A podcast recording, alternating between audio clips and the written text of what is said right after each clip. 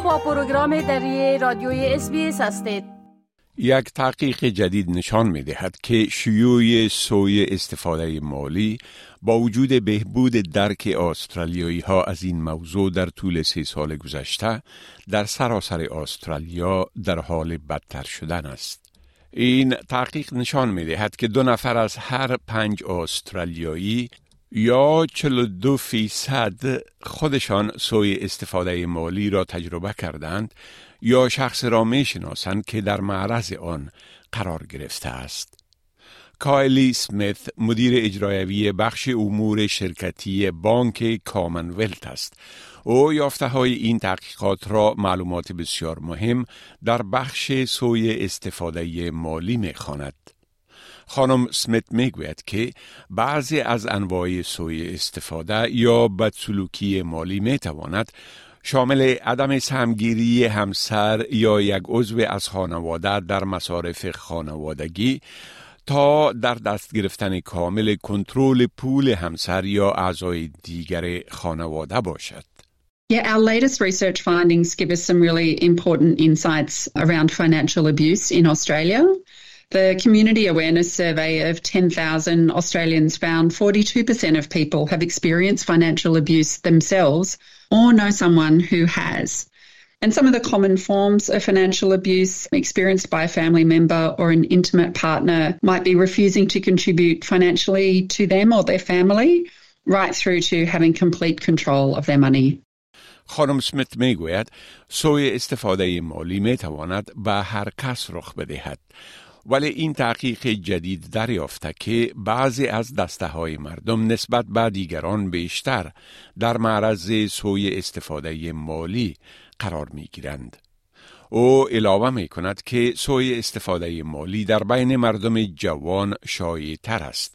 چنانچه مردم با سنین بین 18 تا 24 ساله اظهار داشتند که همین اکنون آن را تجربه می کنند. در حالی که 20 فیصد مردم مسنتر گفتند که مورد سوی استفاده مالی قرار گرفتند. Well, what we know about financial abuse is that it doesn't discriminate and it can affect anybody. And from our survey, we can see that currently there are, are some groups who may be more likely to be exposed to financial abuse than others. There's a high prevalence in this survey among younger people, with three in 10 Gen Z and millennials saying they're currently experiencing it. Also, those who identify as Aboriginal or Torres Strait Islander are four times as likely as those who don't to say that they have experienced financial abuse from a family member. While Australians living with a disability are more than twice as likely as those without to have experienced financial abuse from a partner. So some important insights there from this latest research.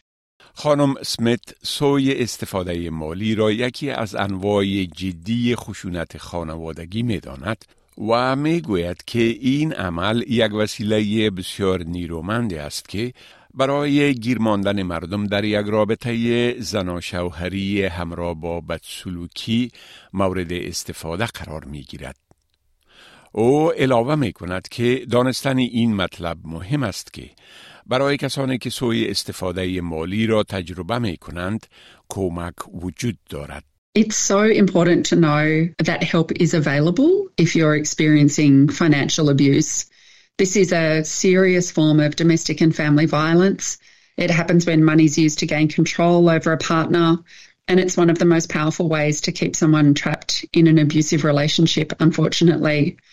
So, anyone worried about their finances because of domestic or family violence or coercive control can contact the Next Chapter team on 1 800 222 387 for support, no matter who you bank with.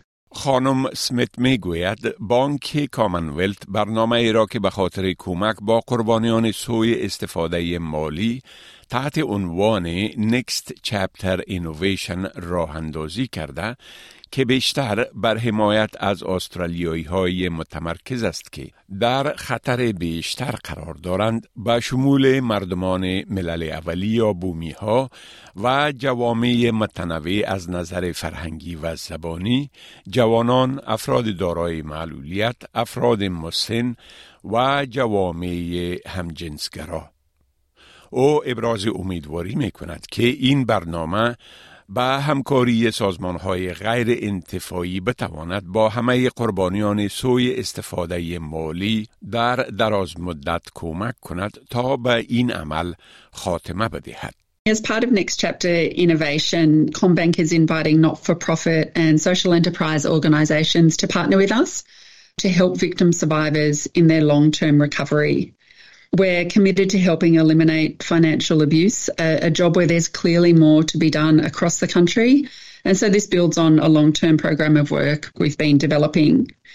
Next chapter innovation partners will have access to grants of $50,000, $100,000 or $200,000 plus executive support and mentoring and access to a think tank to leverage ideas among all those organisations who are sharing the same mission to help end financial abuse. So important to share ideas among those who are seeking to help others. خانم اسمیت میگوید که سازمان های اجتماعی و غیر انتفاعی که آرزومند سمگیری در برنامه امهای سوی استفاده مالی باشند می توانند به پروگرام Next Chapter Innovation بانک کامنولت مراجعه کنند. If you're a social enterprise or a not for profit who's looking to build your program and help more victim survivors in their long term recovery, please look up CommBank Next Chapter Innovation Program. And of course, if you are experiencing financial abuse or know someone who may be, also please look up CommBank Next Chapter. می خواهید این گونه گزارش ها را بیشتر بشنوید؟ با این گزارشات از طریق Apple Podcast، Google Podcast، Spotify و یا هر جایی که پادکاستتان را می گیرید گوش دهید.